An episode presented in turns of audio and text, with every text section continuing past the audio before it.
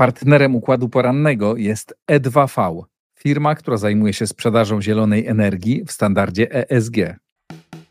Polska gospodarka odbija się od dna. PiS przegrywa kolejne głosowania w nowym Sejmie. Rosja przerzuca migrantów z Bliskiego Wschodu i Afryki do Finlandii. W Chile referendum w sprawie konserwatywnej konstytucji. Budzi się islandzki wulkan. Niemiecki dziennikarz brał setki tysięcy dolarów od rosyjskiego oligarchy za pisanie książek o Putinie. Środa 15 listopada to jest układ poranny. Michał Ziomek, zapraszam. Polska gospodarka odbija się od dna.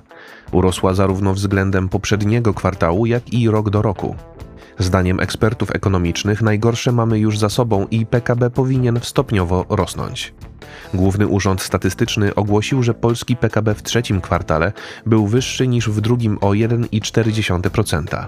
Także w relacji rok do roku zanotowano wzrost PKB o 0,4%. Przez poprzednie dwa kwartały PKB spadał. Realny wzrost konsumpcji napędzany jest w tej chwili spadkiem inflacji, wzrostem płac, potwierdzają go także coraz lepsze nastroje konsumentów. Sprzyja mu też luźna polityka fiskalna rządu i duży deficyt budżetowy. Można oczekiwać, że wszystkie te czynniki utrzymają się też w przyszłym roku, napędzając ożywienie w polskiej gospodarce. Pisał w Business Insiderze Rafał Hirsch. Z kolei według cytowanego przez portal Next Gazeta ekonomisty Mikołaja Raczyńskiego, najgorszy dla polskiej gospodarki był ostatni kwartał 2022 roku, kiedy to w obawie o ceny węgla, energii i gazu gospodarstwa domowe i przedsiębiorstwa istotnie ograniczały wydatki. Gdy kryzys energetyczny nie zmaterializował się, gospodarka zaczęła odbijać. Według nowych szacunków to właśnie czwarty kwartał zeszłego roku był dołkiem koniunktury i od tego czasu realny PKB urósł już o 2,8% i osiągnął właśnie nowy szczyt, uważa Raczyński. W drugim dniu posiedzenia nowego Sejmu wybrano nowych członków Krajowej Rady Sądownictwa. Kandydaci z ramienia Prawa i Sprawiedliwości całkowicie przegrali w głosowaniu i żaden z nich nie wejdzie do KRS. Sejm wybrał wyłącznie przedstawicieli partii dotychczasowej opozycji. Kamilę Gasiuk-Pichowicz, Roberta Kropiwnickiego z Koalicji Obywatelskiej, Tomasza Zimocha z Trzeciej Drogi i Annę Marię Żukowską z Lewicy. Zgodnie z ustawą Sejm wybiera spośród posłów czterech członków KRS, a Senat dwóch członków Rady na okres czterech lat. Poprzednio miejsca te zajmowali przedstawiciele PiS. Wcześniej Prawo i Sprawiedliwość przegrał głosowanie na stanowisko wicemarszałka Sejmu, kiedy partie opozycji dorzuciły kandydaturę poprzedniej marszałek Elżbiety Witek z PiS, choć zaakceptowały Krzysztofa Bosaka z Konfederacji. Pomimo porażek w sejmowych głosowaniach, dotychczasowa partia rządząca nie rezygnuje z próby powołania nowego gabinetu.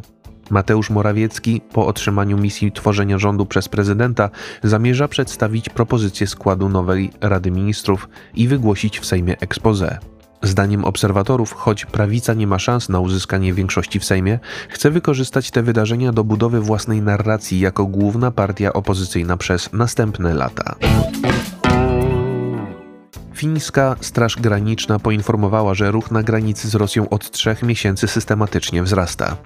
Rośnie również liczba wniosków o azyl. Od sierpnia do Finlandii przybyło 130 migrantów z Bliskiego Wschodu i Afryki bez odpowiednich dokumentów uprawniających do wjazdu na teren Unii Europejskiej. Migranci próbowali przekroczyć granicę na rowerach, odkąd Finlandia zakazała wjazdu samochodom na rosyjskich tablicach. Fińscy mundurowi uważają, że jest to celowe działanie Rosji, gdyż wcześniej rosyjskie służby nie pozwalały przekraczać granicy bez ważnych dokumentów. Tego samego zdania jest minister obrony narodowej Antti Hakkanen, który powiedział, że Finlandia ma do czynienia ze zjawiskiem sterowanej migracji. Szefowa fińskiego MSW Marii Rantanen na konferencji prasowej poinformowała, że rozmowy podjęte z władzami Rosji nie przyniosły rezultatu. W związku z tym ministerstwo ma przygotować zarządzenie, które pozwoli ograniczyć liczbę przekroczeń granicy z Rosją, zamknąć przejścia graniczne lub zaprzestać przyjmowania wniosków o azyl.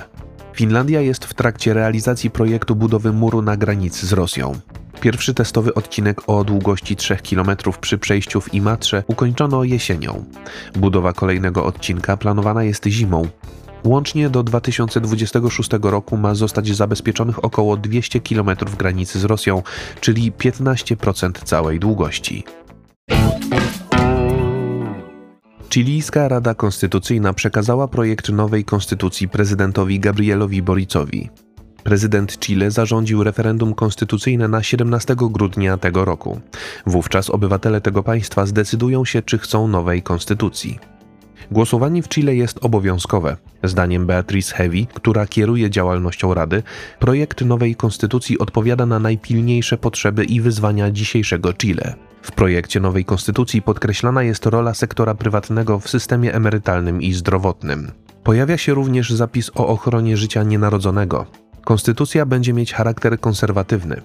Hewia to prawniczka, lider opozycyjnej partii republikańskiej. W maju tego roku wygrała ona wybory do Rady Konstytucyjnej, która odpowiada za powstanie nowego projektu. W Radzie zasiada 50 chilijskich polityków. W 2022 roku 62% obywateli Chile odrzuciło projekt konstytucji, która została uznana za zbyt lewicową. Zdaniem chilijskiej prawicy projekt z 2022 roku przesuwał kraj za bardzo na lewo i nie był wystarczająco ambitny. Krytycy projektu nowej ustawy zasadniczej wskazywali, że dokument jest zbyt długi i posuwa się za daleko w niektórych rozwiązaniach, między innymi charakteryzując Chile jako wielonarodowe państwo i traktując priorytetowo parytet płci.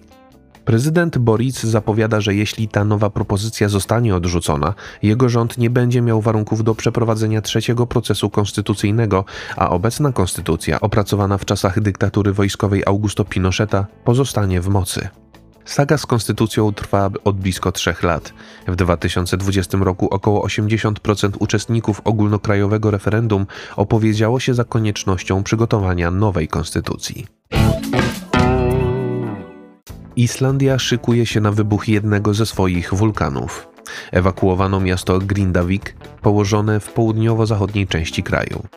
4000 jego mieszkańców dostało zaledwie 5 minut na zabranie swoich rzeczy.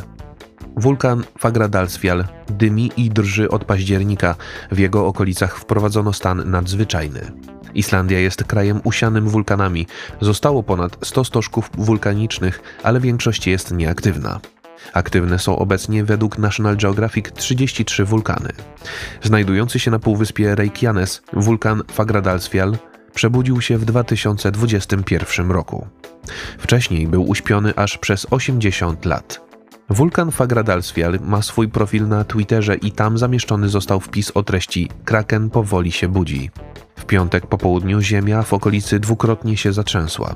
Wstrząsy były na tyle silne, że poczuli je nawet mieszkańcy Reykjaviku, oddalonego o 40 km na północ. W domach na całym południowym wybrzeżu półwyspu Reykjanes poruszyły się okna i zawdzięczały garnki i talerze. W sobotę naliczono tysiąc wstrząsów. Miejscowi eksperci podają, że wybuch może nastąpić dosłownie w każdej chwili.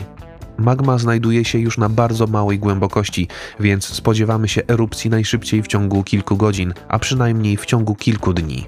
Powiedział w sobotę Widir Reynisson, szef islandzkiego Departamentu Ochrony Ludności i Zarządzania Kryzysowego w wywiadzie dla Business Insidera.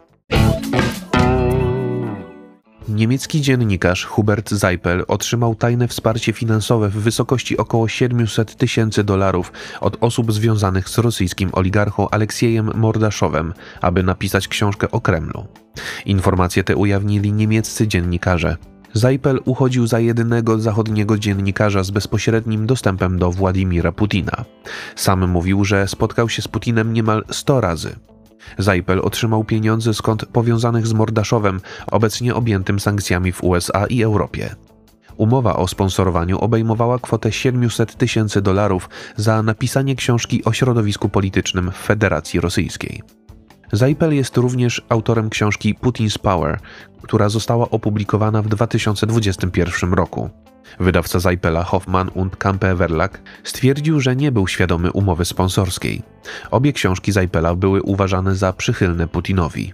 Wyniki dotyczące tajnej umowy na napisanie książki przez Zajpela są częścią dochodzenia Cyprus Confidential, międzynarodowego konsorcjum dziennikarskiego i Paper Trail Media, niemieckiej organizacji informacyjnej z siedzibą w Monachium. Badania oparte na przecieku 3,6 miliona plików od sześciu dostawców usług finansowych na Cyprze i jednej łotewskiej firmy pokazują, w jaki sposób ukrywano miliardy dolarów aktywów przed sankcjami skierowanymi przeciwko Putinowi i jego otoczeniu. Pokazują także, w jaki sposób Rosja prowadziła propagandową akcję na Zachodzie, wykorzystując do tego niemieckiego dziennikarza. Informacje przygotował Igor Jankę. Jeżeli podoba się Państwu nasza praca, serdecznie zachęcam do wsparcia Układu Otwartego w serwisie patronite.pl. To wszystko na dzisiaj. Bardzo Państwu dziękuję za uwagę i do usłyszenia w kolejnym Układzie Porannym. Partnerem układu porannego jest E2V, firma, która zajmuje się sprzedażą zielonej energii w standardzie ESG.